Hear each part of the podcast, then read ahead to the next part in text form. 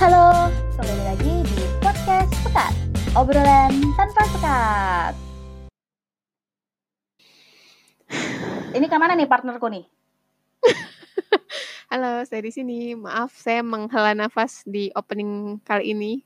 Soalnya gimana ya? Aduh, 2020 kalau mau dipikirin kok kayaknya hawanya menghela ya nafas gitu. Iya, tapi nggak mungkin ya Kip kan? Karena memang 2020 ini tuh challenging banget gak sih?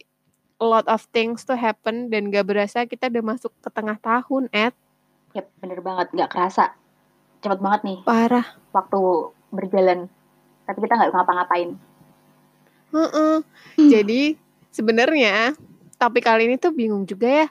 Karena tuh eh dibilang topiknya udah basi juga enggak, tapi kita baru bisa kasih opini tentang tema kita kali ini secara publik ya karena kita baru buat podcast. Cuma eh ini sebenarnya cerita bukan cerita apa ya, cuma berita udah agak lama tapi masih masih, Masih happen gitu happening. ya. Iya, iya, iya, bener-bener banget. Masih jadi topik yang hangat dibicarakan di tengah masyarakat nih.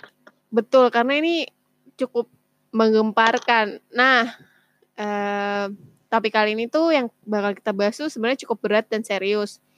Tapi kita bahasnya rada santuy kali ya, Ed ya. Nah, Yep. jadi apa nih Ed yang kita bahas kali ini, Ed? So, eh, tema di episode 2 kali ini ya adalah Iya. apa tuh? Koronces. Aduh, Alias Goronces. Aduh, Aduh, berat banget sih. Eh seperti yang Banget. kita tahu ya, COVID-19 tiba-tiba menggembarkan dunia. Aduh. Bahkan yang kayaknya belum pernah terjadi di tahun-tahun sebelumnya, kayak tiba-tiba nih yang tadinya kerja di kantor tiba-tiba pindah semua ke rumah, terus Gila sekolah sih. jadi semua pembelajaran dari rumah. Bahkan hampir semua tempat harus ditutup untuk mencegah virus ini ya nggak sih? Iya bener banget, bener-bener semua yang gak pernah kejadian itu kejadian semua di tahun ini yang kayak kamu sebut tadi. Tapi oh ya sebelum kita ngebahas tentang hal itu kali ya teh, kita tuh Hmm? disclaimer dulu Ed karena apa yang kita omongin di podcast hari ini itu tuh benar-benar murni pendapat dari Baru kita, kita berdua, ya, berdua, heeh.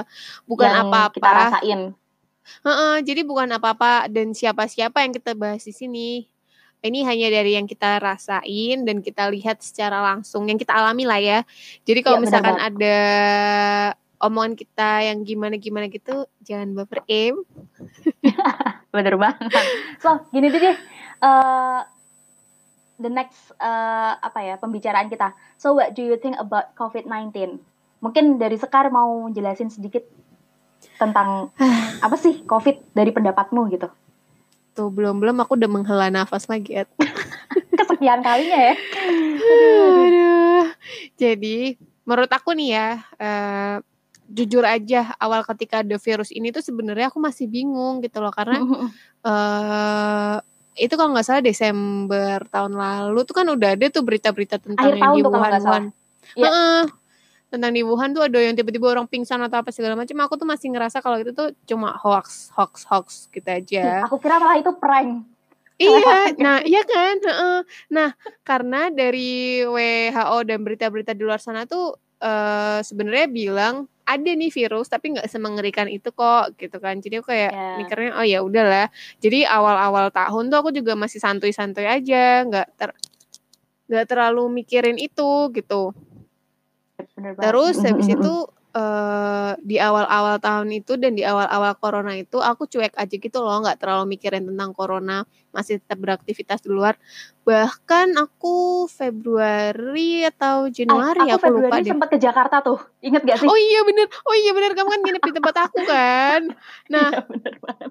itu Parah aku masih masuk kampus nggak sih Ed? Pokoknya eh, bahkan awal-awal deh. corona, Heeh kan, aku tuh masih Dan- masuk dan- ke kampus.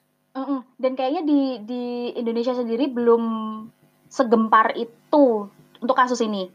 Iya betul karena kan kita ingat nggak sih waktu di awal-awal kan bilang katanya corona tuh nggak bisa kalau di tempat panas karena pasti nanti dia virusnya bisa cepat mati apa segala macam orang-orang kita kan eh, obatnya corona tuh ada di kita kayak jahe apa segala macam jadinya Iya, eh, nggak nggak mungkin lah orang Indo kena gitu kan katanya gitu Iya. waktu itu jadi ya itu tadi aku tuh cuek dan gak terlalu mikirin bahkan sampai Mhm. bahkan di momen uh, yang panic buying tuh loh Iya, kan wah gila kan itu waktu panic apa-apa buying habis ya. Parah banget tuh. Heeh, aku tuh di sini di sini nih maksudnya di Jakarta ini aku tuh masih santuy aja be aja gitu Eh, walaupun waktu panic buying itu tuh posisinya aku juga lagi belanja bulanan tapi bukan yang Hmm. Yang sekitar aku tuh kayak beli berkardus-kardus itu aku cuma ya nah nah nah nah nah, nah, beli Ya, biasa aja gitu kebutuhan kan. ya. Mm-mm.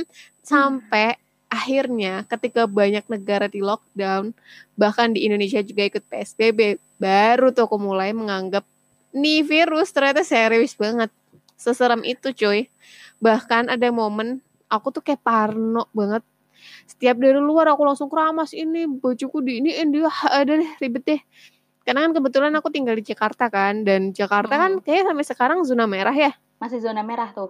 Ah, Heeh. apalagi tuh terpusatnya kan setahu aku karena kan katanya eh, banyak warga negara asing di Jaksel kan. Jadi Mm-mm. ya fokus fokus yang terinfeksi banyak tuh di Jaksel dan aku tinggal di daerah Jakarta Selatan. Jadi kayak deh gimana nih?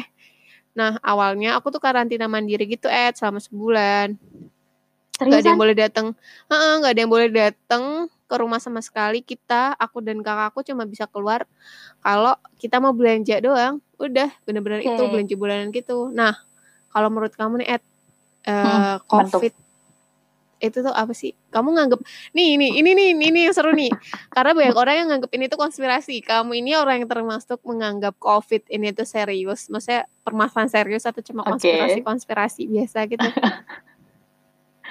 Aduh, berat. Oke, eh, sebenarnya gini deh. Eh, aku nggak ahli teori konspirasi ini ya. Tapi Uh-huh. gini sih, eh, dari pandanganku sendiri secara garis Mhm. besar, virus ini tuh sebenarnya tuh beneran ada dan nyata gitu. Dan tentunya bener yang kamu sebutin tadi, menyeramkan. Eh, Nah, tapi Serem-seremnya gitu. iya bener banget. Nah, yang dimaksud konspirasi di sini sih kalau menurutku adalah Mm-mm. Dari mana asalnya itu loh. Karena menurutku juga Oh, wabah ini, ingat gak sih yang menggemparkan pertama kali itu kan di Wuhan ya? Heeh, Nah, betul-betul. jujur sih, eh, begitu ada wabah tersebut di Wuhan itu, aku baca artikel tuh, banyak banget Mm-mm. yang bermunculan. Nah, aku nemu satu artikel yang mengatakan bahwa virus ini dari laboratorium senjata biologis. Tapi di sisi Ah, lain, iya iya iya iya Iya kan? benar-benar. tapi di sisi lain ada artikel yang mengatakan bahwa berasal dari kelawar. Kelawar. Iya, bener banget. Terus jadi aku nggak tahu nih yang bener yang mana. Jadi menurut aku yang menjadi teori konspirasi adalah bukan bener nggak sih ini virus tuh Hmm, bukan itu, hmm, tapi hmm, yang konspirasi yang menjadi konspirasi adalah asalnya sih. Kalau dari pendapatku ya asalnya, Hmm, hmm, Maksudnya hmm. karena pendapat orang masih eh, beda-beda ya tentang dua simpang itu ada yang siur gitu ya bahwa ini tuh. Ya bener banget. Jadi kita belum tahu nih yang bener tuh yang mana gitu. Nek menurutku sih itu sih konspirasi. Kalau lebih jauhnya, eh assalamualaikum Iya. ya. Iya, karena kita kebetulan tidak pakar di situ, jadi kita nggak bisa Ya banyak bener banget. ngomong tentang Tapi hal ingat, itu tapi juga. ingat sih, tapi tapi yang perlu diingat emang bener-bener ini virus nyata dan nggak terlihat. Kita memerangi Iya, sesuatu yang tidak terlihat. Serem banget ya. itu makanya itu seremnya itu tuh. Nah, eh karena eh nggak nggak nggak kelihatan nggak nggak ada apa sih namanya vaksin ya nggak ada vaksinnya ya, penyembuhannya gimana apa ya. segala macam iya ini kan parah, ya. bener-bener hal baru yang kita nggak tahu gitu kan nah Yep. Ed karena kita tuh kan beda kota ya Ed Hmm. Eh, update dong tentang kabar eh, terbaru dari Koronces ini kalau di Semarang tuh kayak gimana karena mohon maaf sebagai teman-temanku yang eh, tinggal di Semarang aku ngomongin Mhm. kalian di sini karena yang aku lihat dari teman-teman di Semarang itu kan kan kita follow-followan Instagram, WA dan lain-lain ya. Teman-teman Hmm. yang di Semarang tuh masih kayak kurang dari sebulan lalu eh kurang lebih sebulan lah ya. Mereka tuh masih aja sepedaan karena kan sepeda lagi in kan. Mereka Iya, bener sepedaan, nongkrong di kafe-kafe, atau selfie-selfie. Aduh. Cerita dong Ed, please. Oke. Jujur sih, em, eh, begitu aku tahu bahwa kondisi corona di Indonesia, aku nggak ngikutin berita, apalagi di kotaku sendiri ya. bukan aku nggak peduli bukan aku nggak peduli dengan kondisi ini Hmm. tapi jujur aku lebih mementingkan mental healthku sendiri Iya Karena sih bener aku bener sendiri- bener. aku aku nih jujur ya aku sempat ngerasa takut dan cemas dengan semua pemberitaan jadi jadi aku nggak mungkin dong untuk menghentikan media-media untuk eh stop dong eh, Iyalah, tentang pemberitaan bener. tentang covid emang siapa aku ya kan akhirnya Ngana aku sokap. memutuskan. Heeh, jadi akhirnya aku memutuskan untuk oke aku yang harusnya berhenti mengakses berita-berita tentang covid itu Mm, mm, mm. ya gitu sih Karena jadi terus stres gitu ya kalau Iya, mantengin beritanya Wah. tuh.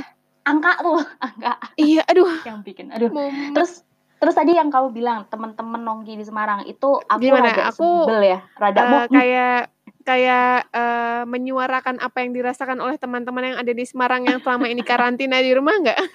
iyalah pasti jadi gini yang aku rasain adalah ya sebel marah muak ya karena banyak eh, orang yang sudah aware dengan ini virus tapi masih ada yang santai-santainya nongki menganggap bahwa Mm-mm. mungkin ini virus nggak berbahaya itu ya mungkin memang eh, yang apa sempat disebutkan di beberapa podcast lainnya udah sempat diangkat juga bahwa Mm-mm. mungkin ada penyakit lain yang lebih berbahaya. Cuman kan ini Iya, virus iya, kan juga nggak main-main juga, bukan berarti sebagai bahan candaan juga yang bisa kita Heeh, heeh. remehkan gitu aja kan. Nah, Betul. jadi ya bener banget tuh. Eh gini loh, kalau misalkan emang mau nongki, ya nongki Mm-mm. aja tapi sebisa mungkin jangan bikin story lah, kan bikin panik juga. Loh ini gimana?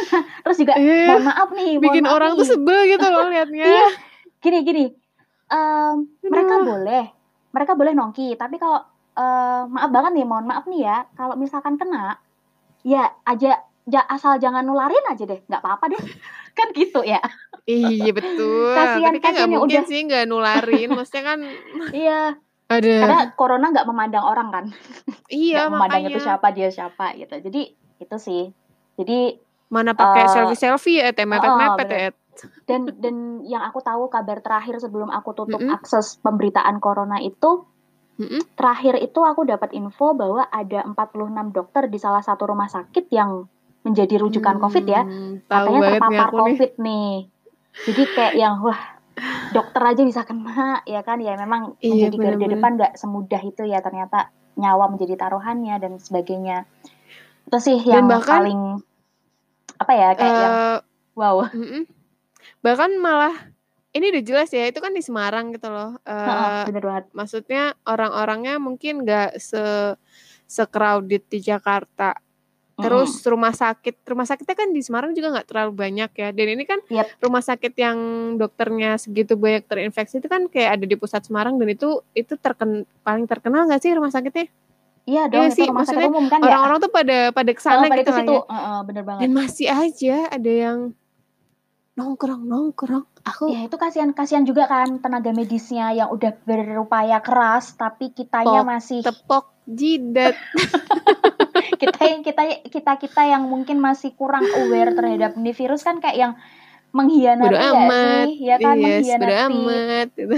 para tenaga medis Eh, aku salut sih sama tenaga medis tetap Iya. apa mau melayani mau apa ya memberikan perawatan yang terbaik untuk kita kita ini yang bandel juga dan lain sebagainya lah salut aku aduh nggak tahu eh itu tadi eh, kurang lebihnya kondisi di Semarang kayak gitu semoga sih Mm-mm. ngejawab pertanyaanmu ya tapi Iya, jujur iya. aku emang bener-bener nggak update lagi semenjak ada kabar tentang dokter itu.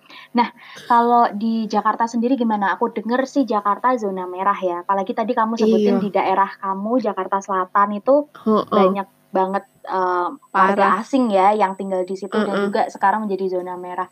Boleh dong bagi-bagi informasi di Jakarta tuh coronanya kayak gimana? Separah apa sih? Hmm, Silahkan sekarang. Jakarta, iya. Sebenarnya kalau ditanya gimana corona di Jakarta, maksudnya update beritanya bingung juga jawabnya Ed karena Oke. actually banyak orang yang melaksanakan protokol yang dihimbau pemerintah tapi banyak juga yang Hmm. ngeyel sama sebenarnya sama cuma kan di sini manusianya lebih banyak ya kayaknya ya jadi itu kayak penduduknya ya. Lebih Heeh, lebih banyak kan nah sejujurnya Hmm. sejujur jujurnya sama kayak kamu aku tuh Eh. ndak baca berita Oke. ngeri ngeri sedep cuy nih?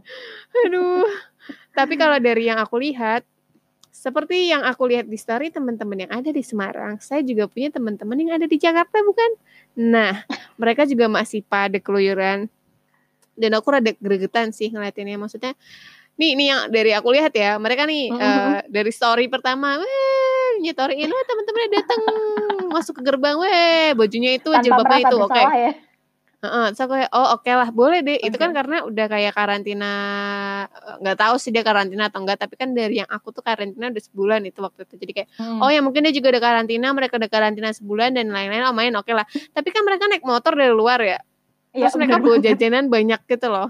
So kayak, eh aku kalau dari luar nyampe rumah tuh pasti langsung kayak keramas, mandi, cuci tangan, Iya, cuci kaki, lah ya. Hmm. semprot ini, semprot itu, lantainya dipel langsung apalah segala macam.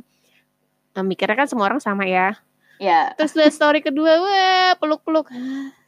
Wait, apa tuh yang terjadi? mereka peluk-pelukan padahal pakai baju yang sama dari Oh yang pas masuk gerbang gitu kan. Oke, saya kayak eh, Oke, Oke ya mungkin nanti bisa disemprot disinfektan lah ya gitu kan. Masih ah oke oke. Kita story ketiga. mm story ketiga selang kayak dua jam setelahnya mereka selfie dan bajunya masih tetap yang tadi. Oke, aku langsung kayak ya salam. bye bye manusia. Hai corona gitu kan. Jadi kayak Kasihan nggak iya, sih martabatnya corona di negeri kita? iya nggak ada yang takut kayak ya udah deh bodo amat gitu Aduh, aduh, aduh, aduh, aduh. kalau Padahal nggak gitu kalau juga ya sebenarnya. iya maksudnya masih banyak lah orang-orang yang aware dan Mm. eh, apa mengerti tentang bahayanya corona tapi ya masih ada yang kayak bandel-bandel begitu apalagi eh ya mungkin kayak aku tadi bilang mungkin dia ada karantina mandiri tapi kayak karantina mandiri sebulan agak percuma nggak sih kalau ternyata ketemu orang Akhirnya ketemu sia-sia dong.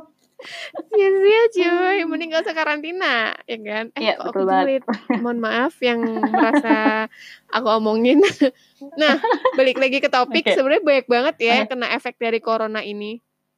Banyak banget. Ya, bener banget. Aku setuju. efeknya tuh baik banget dari corona ini. Dan salah satunya itu yang bikin rada mumet eh, seluruh jagat umat sejagat itu adalah stay at home. Wow. tapi nih aku kan super introvert ya aku tuh bener-bener aduh rumah tuh surgaku deh. Aku dari luar secapek apa pun se aku tuh kalau ketemu orang bener-bener energi energiku tuh rasanya langsung kayak kayak kalau misalkan ada eh, gambar baterai di sebelah muka aku sini kayak ketemu orang Mhm. sekali tuh langsung kayak turun 20% ketemu orang sekali langsung ketemu sampai akhir-akhirnya bener-bener tinggal 2% gitu lah. Pas nyampe rumah tiba-tiba tuh langsung zup, 100% lagi gitu loh aku tuh nyaman banget di rumah Oh, Bahkan aku yang kayak gini- bumi ya, iya betul rumahan. aku yang Oke. yang begini aja yang super nyaman kalau ada di rumah aku sampai gedek at ke rumah terus Wow, sebenarnya gitu kan cuma kayak seminggu, dua minggu. Ya? iya Hmm. makanya aku aku aku sampai shock loh aku lah aku yang sangat nyaman ada di rumah ini kenapa aku bisa gedek ada di rumah ya walaupun sebenarnya itu cuma kayak seminggu dua minggu awal lah aku gedek ya tapi setelah itu kayak Mm. la la la la biasa aja Oh, cuma berarti emang emang kita harus beradaptasi dengan kondisi yang Betul, sekarang ya, tiba-tiba betul. seperti Nah, ini gitu. tapi bayangin gak sih kalau misalkan ada orang-orang yang ekstrovert atau ya nggak usah ekstrovert lah ya atau ada orang-orang yang memang nyaman ada di luar atau emang karena mereka nggak nggak nyaman dengan eh, suasana rumah atau gimana gimana eh, tiba-tiba harus ngerjain semuanya dari rumah bener-bener kestak di rumah gitu kan. Nah ini nih nih aku mau nanya kamu nih kan? Kalau aku kan udah nggak kerja ya jadi kayak aku di Oke. rumah memang. Nah sebagai manusia yang kerjaannya ketemu klien mulu kendala kamu tuh apa? Ed waktu WFH ini Ed sesetres apa? Atau kamu jangan-jangan santuy aja kayak aku gitu Oke, Santuy, pertanyaannya bagus. Nih, bagus banget nih. Kalau aku sih stresnya tuh gini. Nggak bisa nongki di kafe. iya sih itu itu benar-benar kebiasaan kamu kalau kerja pasti kamu mesti Iya, kudu oh, bener Wajib. banget. Nah, nah tapi sebenarnya gini, balik lagi eh, akhir tahun kemarin, aku Mm-mm. memang pengen banget di tahun 2020 ini kerja dari rumah. Jadi kayak Ah. menganggapnya adalah aku bisa kerja di mana aja, bisa di kafe, Mm-mm, bisa di perpustakaan atau di mana tempat yang membuatku nyaman gitu. Eh, Mm-mm, terkabul sih memang kerja dari rumah, tapi memang beneran kerjain di rumah gak ke mana-mana. Bahkan ke juga kafe nggak bisa. iya nggak bisa. Bahkan tuh Ini ke doanya yang deket rumah, deket rumah aja juga nggak bisa karena emang udah ditutup juga kan begitu Iya ada benar-benar kasus pada ini ditutup. menyebar gitu Betul, kan betul. langsung lockdown gitu kan. Iya Terus benar-benar. eh, apa namanya? eh karena tahun kemarin juga eh, aku ninggal rumah ya dalam arti Mm-mm. eh, aku menjadikan rumah tuh kayak warteg dan juga kamar mandi umum. Parah banget. Jadi cuman cuman cuman buat makan, tidur sama mandi. Bahkan makan Hmm. juga jarang di rumah. Bahkan waktu Eh puasa bahkan kamu tidur pun kamu nggak di rumah, Ed. Mohon maaf. Ya. gimana kah aku? Jadi bener tahun 2019 kemarin tuh kegiatanku banyak banget di luar. Iya, Jadi banget, bener, bahkan betul, betul. bulan puasa tuh jarang banget ketemu keluarga ya, ketemu ibu sama adik-adik aku. Jadi kayak yang pengen banget sih ngerasain. Akhirnya bener tahun 2020 ini di rumah kumpul sama keluarga. Cuman kok ya kondisinya dengan yang seperti ini ya sedih juga sih. Ada sedihnya, ada senengnya. Tapi Tapi stres jujur sih nggak? lebih banyak merasa bersyukur juga sih. Bersyukur. Nah, Tapi kalau biasa kamu aja nggak stres. Oh, oh, enggak, enggak, enggak. Karena udah Mantap. mencoba untuk adaptasi juga ya. Karena memang iya udah sih, keinginan. Iya, bener-bener. ya kan, udah Tapi keinginan juga. awal-awal gitu Nangis juga. Kapan nih berakhir? kayak, kayak bener-bener makanya eh, sebenarnya mengeluh setiap hari. Ya, ketakutan-ketakutan itu aku dapetin ketika aku baca berita itu. Jadi begitu Ah, aku tahu iya, iya, apa yang menjadi bener-bener, ketakutan, bener-bener. jadi aku stop. Oh, udah deh, ini Betul, betul. ini bener-bener mental health-nya terganggu dengan pemberitaan ini, maka Iya. aku alihkan dengan berita-berita lain yang mungkin sekiranya eh, ya buat ketawa lah ya atau enggak buat pengetahuan. Tapi kalau COVID udah bener-bener mungkin jujur sih Maret itu kan masih Mm-mm, dua kasus nih di negeri ini. Mm-mm. Mungkin akhir Maret tuh aku bener-bener udah nggak akses sama sekali berita. Ya mungkin sesekali lah, sebulan sekali lah. Jadi tahu Iya atau Oh, misalkan kayak jumlahnya- seliweran orang Ya. lagi ngomongin apa gitu lah ya. bener banget. Betul, betul, jadi betul. jadi sesetres itu sih sesetres itu tuh karena pemberitaan sebenarnya tapi selebihnya iya, karena benar-benar. memang udah keinginan aku tahun ini dekem di rumah diem di rumah jadi ya ah yaudahlah emang itu juga keinginanku dari Iya, karena awal demi kebaikan kemarin. kita sendiri juga kan. ya betul Pasti juga. bakal nanti ada ujungnya cuma walaupun nggak tahu kapan. nggak tahu kapan Nah, betul, betul. itu tadi sih kalau eh, aku ya ketika tiba-tiba aku harus kerja dari rumah gitu nah kalau kamu nih Star, betul. eh, yang aku tahu kamu sebenarnya tipe anak yang juga suka kerja kantoran gitu Mm-mm. Sempat stres gak sih ketika kantor harus pindah ke rumah? Kalau stres sih enggak ya, Ed. Jujur enggak. Santuy Dia aja. Karena kan emang emang aku tuh suka banget kerja. Mm-mm. Tapi eh, posisinya kemarin waktu udah mulai kayak WFH gitu kan aku udah nggak ngantor kan aku udah berhenti kantor. Jadinya ya aku ngurusin bisnis bisnisku aja kan. Nah itu kan Mm. juga dari rumah toh. Jadi aku nggak mesti eh ya keluar kalau misalkan beli sesuatu lah atau misalkan mengurus sesuatu apalah apalah yang gitu. Jadi ya santuy aja, biasa aja ke mana, anaknya mah slow gitu. Cuma yang Oke. tadi awal-awal yang aku bilang eh, awalnya sempat stres, eh bukan stres sih. Eh sebenarnya stresnya karena hal lain ya. Aku tuh berstres banget karena hal lain. Cuma itu eh, di luar topik pembicaraan jadi nggak dibahas. Kalau misalkan masalah tentang eh, mesti stay at home itu nggak bikin aku stres. Cuma waktu pertama awal-awal aku nggak bisa ketemu sama orang-orang yang mau aku temuin itu loh. Itu yang bikin aku stres Hmm. sih. Kalau misalkan Gak aku bisa mau ketemu ketemu keluarga temenku, ya, teman keluarga. kalau keluarga emang aku nggak bisa ketemu siapa-siapa ibuku kan di Semarang cuma Oh, iya, maksudnya bener. kayak eh ah ngomong-ngomong ibuku nih aku mau eh, apa ralat dulu di episode kemarin aku ngomongin tentang orang tuaku yang nggak boleh aku apa-apa kan ibu aku tuh kayak gitu ibu aku tuh sangat suportif orangnya mohon maaf Eh, ibu dulu. ada aku jadi gak enak kan sama ibu Aduh, Yaudah, aduh, aduh. lanjut Oke. Nah, aduh gitu em. Kacau nih podcast episode ini. Nah, ngomong-ngomong soal COVID nih, Mm-mm. topik yang sedang trending atau yang masih hangat dalam perbincangan di tengah masyarakat ini kan tentang new normal. Aduh, iya tuh new normal lagi Ya kan? tuh. Nah, kalau dilihat-lihat sebenarnya di Indonesia sendiri itu masih tinggi banget. Kalau nggak salah nih, eh, sekitar 41 ribu yang terinfeksi. Nah, ini data aku dapetin dari salah satu media dan juga bersumber dari BNPB. Tapi, ya kan, eh, negara kita punya kebijakan nih, eh, udah Mm-mm. mau memasuki bahkan udah masuk ke Heeh, heeh. new normal. Nah, boleh nih eh, Eta minta pendapat Sekar. Gimana sih tentang atau pandanganmu tentang new normal ini? Ini untuk kesekian kalinya aku menghela nafas panjang. Oke, baik. Saya memaklumi, Bu. Ngomongin tentang topik koronces ini. Jadi kalau new normal ya, aduh. Jujur nih, Ed. Mau julid, Ed. Tapi gimana ya? Aku rasa nih sebenarnya, Mm-mm. menurut aku pribadi, di Indonesia tuh belum siap untuk new normal. Eh, kenapa tuh bisa begitu? Ya, kamu barusan aja ngomong 41 41 ribu orang Oh. terinfeksi, Ed. Yes. Mau new normal bagaimana? Menurut aku belum siap aja sih. Ya belajar dari negara yang udah menerapkan hal serupa deh. Tapi kan mereka banyak yang gagal kan. M- mungkin bukan gagal kali ya. Tapi kayak misalkan eh masih tetap kecolongan-kecolongan gitu loh. Ada Hmm. tiba-tiba ada gelombang kedua lah, apalah, apalah gitu. Yep. Nah mungkin karena negara ini eh, masyarakatnya banyak ya di Jakarta aja manusianya baik banget, dempet banget. Jadi ketika new normal dan mesti keluar dan beraktivitas normal, rasanya kayak terlalu padat gitu loh. Padahal kan Hmm. kita harus social distancing toh. Iya, bener Aku banget tuh. sih eh, kurang setuju sebenarnya Ed. Eh, karena menurut aku tuh baik kebijakan Mm-mm. yang menurut aku kurang bijak dan terburu-buru.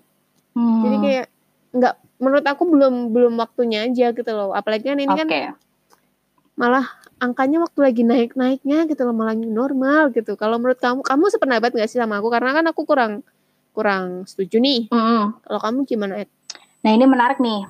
Eh, sebenarnya gini, kalau dibilang setuju nggak setuju atau Mm-mm. pendapatku tentang new normal, sebenarnya yang paling penting adalah eh, Mm-mm.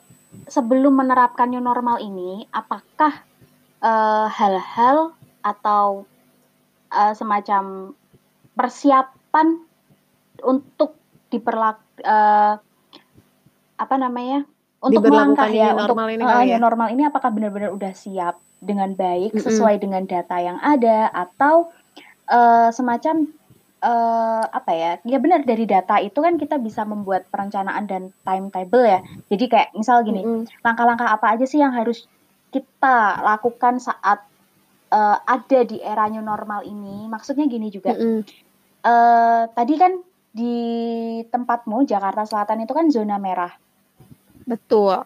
bahkan di Surabaya udah parah banget zona hitam tuh malahan Iya, ya kan Iya, nah benar-benar. jadi dari dari tiap provinsi le- tiap kota pun kan berbeda. Jadi mungkin dari situ kita bisa melihat untuk penerapan new normal ini sebaiknya kan ada baiknya ketika kita melihat eh, zona-zona mana sih yang sudah sekiranya bisa nih untuk melakukan new normal. Karena ya sebenarnya kalau misal kita dibilang kita bersih dari kasus pun juga itu bukan menjadi sebuah jaminan bahwa corona hilang ya dari kota tersebut ya. Cuman iya. eh, standar standar seperti apa sih yang eh, menjadi patokan atau yang bisa diterapkan untuk ke new normal itu. Jadi mungkin Hmm, ya berarti benar-benar per daerah sih. gitu lah ya Iya ya. benar. Jadi makanya betapa pentingnya sebuah data eh, apa pun ya. Kayak misal Mm-mm. contoh eh, apa ya dalam dalam eh, new normal ini kan kita nggak semua sektor harus dibuka ya. Sekarang Iya, iya betul betul. betul. eh, jumlah katakanlah gini eh, secara nalarnya dan bodohnya dari pandangannya Eta gini kita Sebagai ke orang pasar awam. eh, sebagai orang awam jadi misal gini katakanlah kita pergi ke supermarket Mm-mm. itu jumlahnya akan berbeda dengan jumlah pengunjung di bandara ya kan nah Mm-mm. jadi hal-hal yang seperti ini yang semacam data atau statistik sebuah seorang pengunjung atau jumlah pengunjung di sebuah sektor yang ada di Indonesia ini Jadi untuk tahapan-tahapan new normal ini yang harus diperhatikan. Kalau misalkan memang pengunjungnya itu banyak Mm-mm. dan Mm-mm. ya membludak ya istilahnya gitu, mungkin itu penerapan new normalnya mungkin dipending dulu. Mungkin perlu waktu yang lama, mungkin bisa jadi akhir tahun atau bahkan awal tahun depan ya. Nah, tapi Wah. berbeda kasus, berbeda kasus dengan mall atau supermarket lah yang memang eh, kita beli segala kebutuhannya di sana dan juga pengunjungnya juga tidak sebanyak atau sebesar di sektor penerbangan maupun di Hmm. sektor pariwisata lainnya. Jadi menurut aku itu tadi eh, kita harus mempersiapkan data dan jumlah-jumlah. Sebenarnya kita tuh banyak Hmm, berarti si di data ini tuh data ini tuh menurut kamu fungsinya adalah eh, untuk gimana penanggulangan selanjutnya gitu Iya, ya? bener banget. Jadi kayak untuk menen- Hmm, untuk menentukan bahwa oke. ini sektor udah boleh nih diterapin di new normal Oh, saat oke, ini gitu. Jadi Tapi kayaknya mau dia zona hijau, zona hitam, zona merah kalau penerbangan kayaknya masih nggak oke nggak Wah, sih iya memang memang belum oke karena memang kalau misal dilihat Malah ya jadi nyebar kan? Iya bener banget, apalagi kalau untuk penerbangan internasional ya, ke luar negeri gitu ya. Mungkin itu yang masih belum ya, harus diperketat nih, harus diperketat juga nih untuk eh, apa eh, peraturan Eh, terhadap ke dalam negeri aja orang-orang pada mau surat. Eh, Oh iya, aduh kok aku julid lagi. Aduh, aku kesel oh banget tau waktu lihat berita itu tuh. aduh, ya sa- gedeg gitu ya. Padahal kan, eh dan dan parahnya lagi, oke malsuin buat ya katakanlah perjalanan dinas ya. Eh nggak taunya mudik Mm-mm. tahu. Astaga, iya iya. Yang dikata dia doang yang rindu dengan keluarga. Kita kita juga ya. Mohon maaf, aku udah lama banget kagak ketemu ibuku. Itu aja aku Iya, tahan-tahan. itu. Padahal waktu itu aku tuh udah mau ke Semarang, Ed. Cuma maksudnya kayak ya udah deh, ntar dulu deh. eh ntar dulu deh, ntar dulu deh nih orang ya tiba-tiba. Gampang bener. Aduh, udah deh. Tapi ya ngomongin Ya ngomongin ya? yang bandel-bandel tuh nggak ada habisnya jadi kita skip aja Iya kali bener ya emang gak eh, eh, mending kita kayak nggak usah oh mending bahas ini aja kan tadi kamu bilang tentang eh, supermarket atau gimana aku cerita tentang aku kemarin kali ya oke jadi boleh kemarin boleh, tuh kan aku seperti yang mungkin pendengar sudah tahu aku lagi jualan aku Mm. lagi bisnis dan bisnis aku itu kan eh, memaksa aku untuk keluar dan beli eh, bahan-bahan kan. Mm-mm. kebetulan kemarin aku tuh ke supermarket Ed Mm-mm. supermarket ini ada di sebenarnya aku harusnya nggak ke supermarket itu sih karena maksudnya itu tuh bener-bener supermarket di pusat Jakarta yang didatengin sama bule-bule gitu loh jadi WNA WNA tuh pada datang ke situ tapi kan karena Iya. aku butuh eh, beberapa bahan yang memang diperlukan ada di bukan nggak ada di sekitar supermarket di dekat oh rumah aku oke jadi aku I mesti see. ke jadi sana ada gitu di sana gitu. Oke oke Mm-mm, kan lengkap banget kan. Orang WNA aja ke sono semua. Berarti kan di situ kan emang ada produk-produk mereka gitu kan. Oke. Bi- biasanya aku ke sana untuk belanja bahan daganganku. Cuma eh biasanya nggak pernah ada sampai ini Ed cuci tangan Ed di luar. Aku kayak kemarin waktu iya karena kan sekarang udah new normal kan. Jadi ya kayaknya nih di new normal ini aku tuh kemarin ke dua supermarket dan dua-duanya tiba-tiba ada tempat cuci tangan di depannya. Berasa wah kayak luar masuk biasa. eh, masjid atau gereja ada air suci di depan ada air wudhu gitu loh. Iya. bener-bener- Eh, tapi berarti sebuah kemajuan dong ya. Kita Iya sih. diingatkan untuk aware kebersihan dan juga bahwa eh ini virus juga belum hilang loh kayak gitu iya, ya kan tapi tapi tapi iya sih, cuma maksudnya agak agak lucu aja gitu kayak gitu. karena karena belum terbiasa Padahal ya Eh, padahal selang sehari kemarin aku habis Mm-mm. dari nih supermarket, besoknya aku ke sini lagi tiba-tiba ada cuci tangan besok lah apa kemarin kagak ada kan aku jadi kayak udah udah masuk corona tapi karena ada new normal jadi mesti harus kayak gitu. Oh, oke lah. Nah, oke dan menariknya Hmm? Eh kayaknya hampir semua supermarket tuh sekarang ada begitu-begituannya. apa tuh begitu Jadi ya, begituan Itu si cuci tangan tadi ya. oh iya di Bahkan ada yang masuk ada ke tuh. ke ruang disinfektan gitu kan seru banget Iya. ya. Aku pengen cobain. Nah, ada tuh di mall di Senayan. Pengen cobain. Oke baik. Permainan baru ya. Sorry ya teman-teman atas kenoraanku tapi aku pengen ke sana buat cobain itu doang. Oh nyobain itu dulu. Oke. Eh ngomong-ngomong nih. Nggak penting.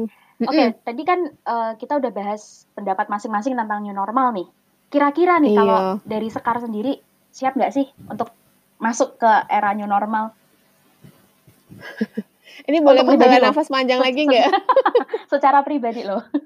Iya iya iya, secara pribadi. Eh, ya gimana ya Ed ya, karena new normalnya juga udah kejadian, sudah berlangsung. Ya Mm-mm. adepin aja lah udah, mau gimana. Iya benar banget. Apalagi nih, kayaknya bakal susah tuh buat teman-teman yang harus bekerja eh, dari office ya. Mereka kan Ya. siap nggak siap harus siap. Sedangkan kalau misalkan kayak kita kan kamu freelance, aku bisnis kan kita mungkin Bisa masih di bisa rumah lah ya. ya kita mm-mm, menolak untuk eh, nggak ketemu Kantor. klien atau nggak ketemu customer gitu lah. Ya benar Jadi kayak ya udah tetap stay at home. Cuma kan kalau mereka kan kayak bapak-bapak ojol gitu kan juga susah ya. Jadi Ya, aku sih aku boleh ngasih-ngasih semangat semangat ya.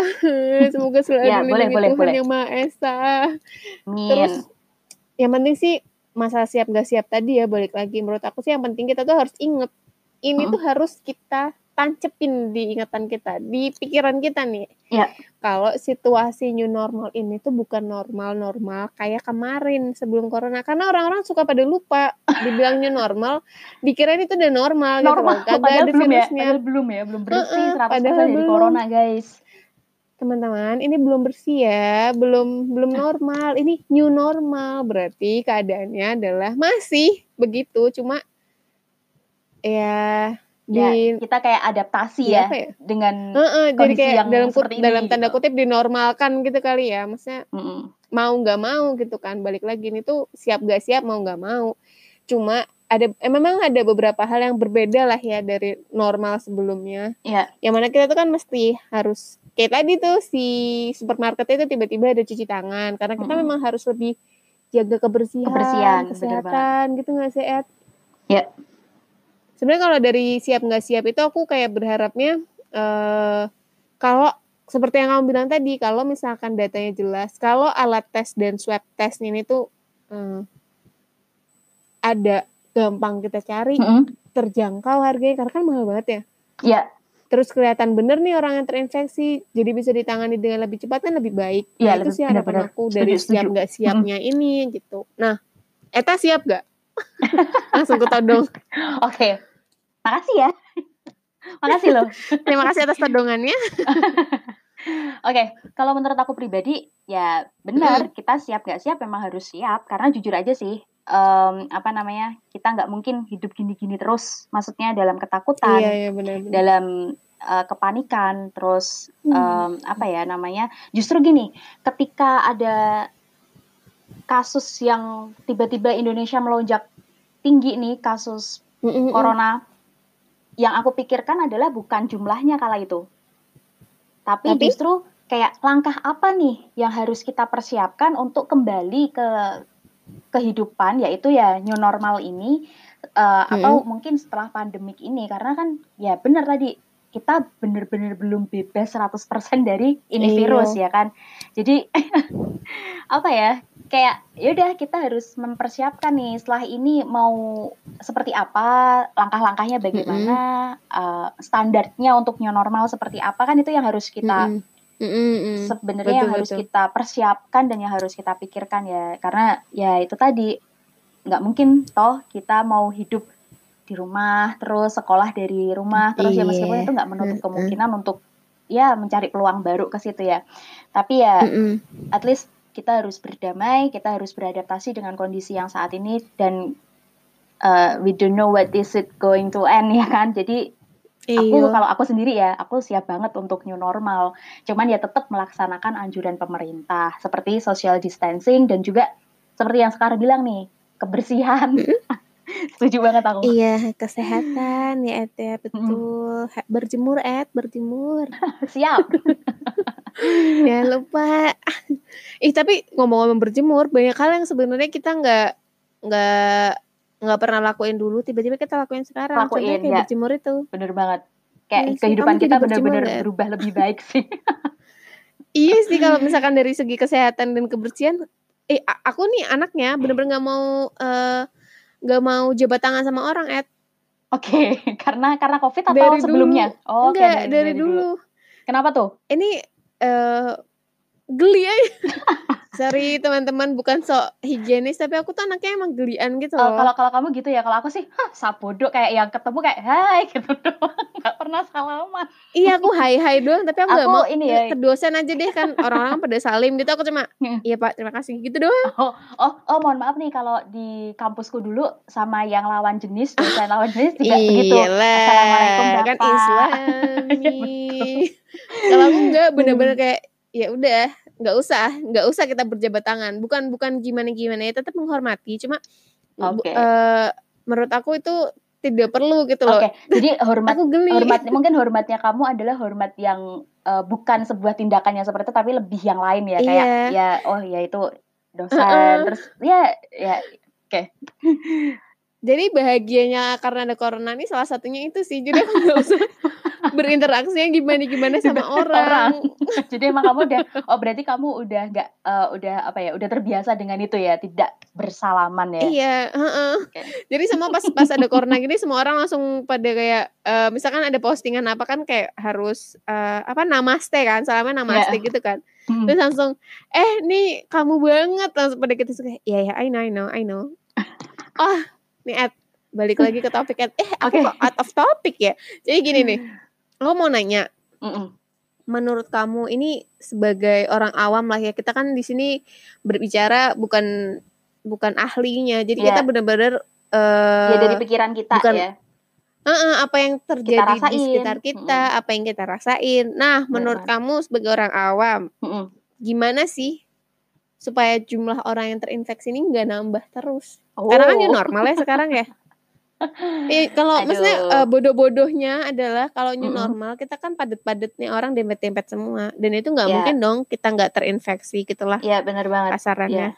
sebenarnya Nah, gini menurut kamu Ed? Oke, sebenarnya balik lagi ya, kita udah ada pemerintah yang membuat kebijakan dan peraturan yang sebenarnya harus kita patuhi, apalagi Hmm, eh, hmm. apa namanya kondisi yang kita hadapi ini benar-benar oh too horrible ya, too horrible ya. Jadi eh, aku Mm-mm. sih kalau dari aku sendiri sih mending saran aku adalah tetap mengikuti anjuran pemerintah itu seperti apa kayak semisal social distancing sebisa mungkin kita Mm-mm. menjauh dari kerumunan dulu lah ya kan terus juga Mm, mm, mm. eh, seperti yang sekar tadi yang kita juga bahas bahwa kebersihan itu penting dan juga tadi berjemur ya kan ya terus Mm-mm. juga menurut aku adalah jangan panik jangan takut kita perlu waspada aja itu aja sih menurut dari Iya Eka bener-bener bener. Iya sih panik ya. Aku awalnya panik sih bener jujur. Karena mungkin karena serem itu ya. ya Jadi, bener hmm, banget dan dan tadi kita juga sempat bilang bahwa ini kejadian belum pernah terjadi sebelum Iya, sebelumnya bener. jadi kayak ini bener-bener the first time kita menghadapi kondisi yang untuk seluruh umat ya bener manusia di bumi Padahal, ini padahal dulu bener-bener pengalaman Ebola aja pertama. separah ini kayaknya. Dia cuman beberapa negara aja kan Hmm. yang ter apa terinfeksi Iya, iya. wabah itu nggak sampai Betul, global betul. gitu. Wah, Mungkin mungkin global kali ya, tapi tuh maksudnya penyebarannya tuh nggak secepat ini, oh iya, se bener. kayak zuzut tiba-tiba eh, di Itali berapa yang kena tiba-tiba terus naiknya cepet banget. Oke deh. Jadi masalah COVID ini tuh ya seperti yang barusan kita bilang ya. Ini kan pengalaman pertama lah untuk semua orang. Ini tuh menurut aku ya bakal mengubah gimana cara kita hidup ke depannya. Eh, eh bener banget. mengubah banget deh, mengubah dari kita eh, kebersihan kita, cara pandang kita mengenai sesuatu kan sekarang gara-gara yang tadi kamu bilang konspirasi itu loh Ed.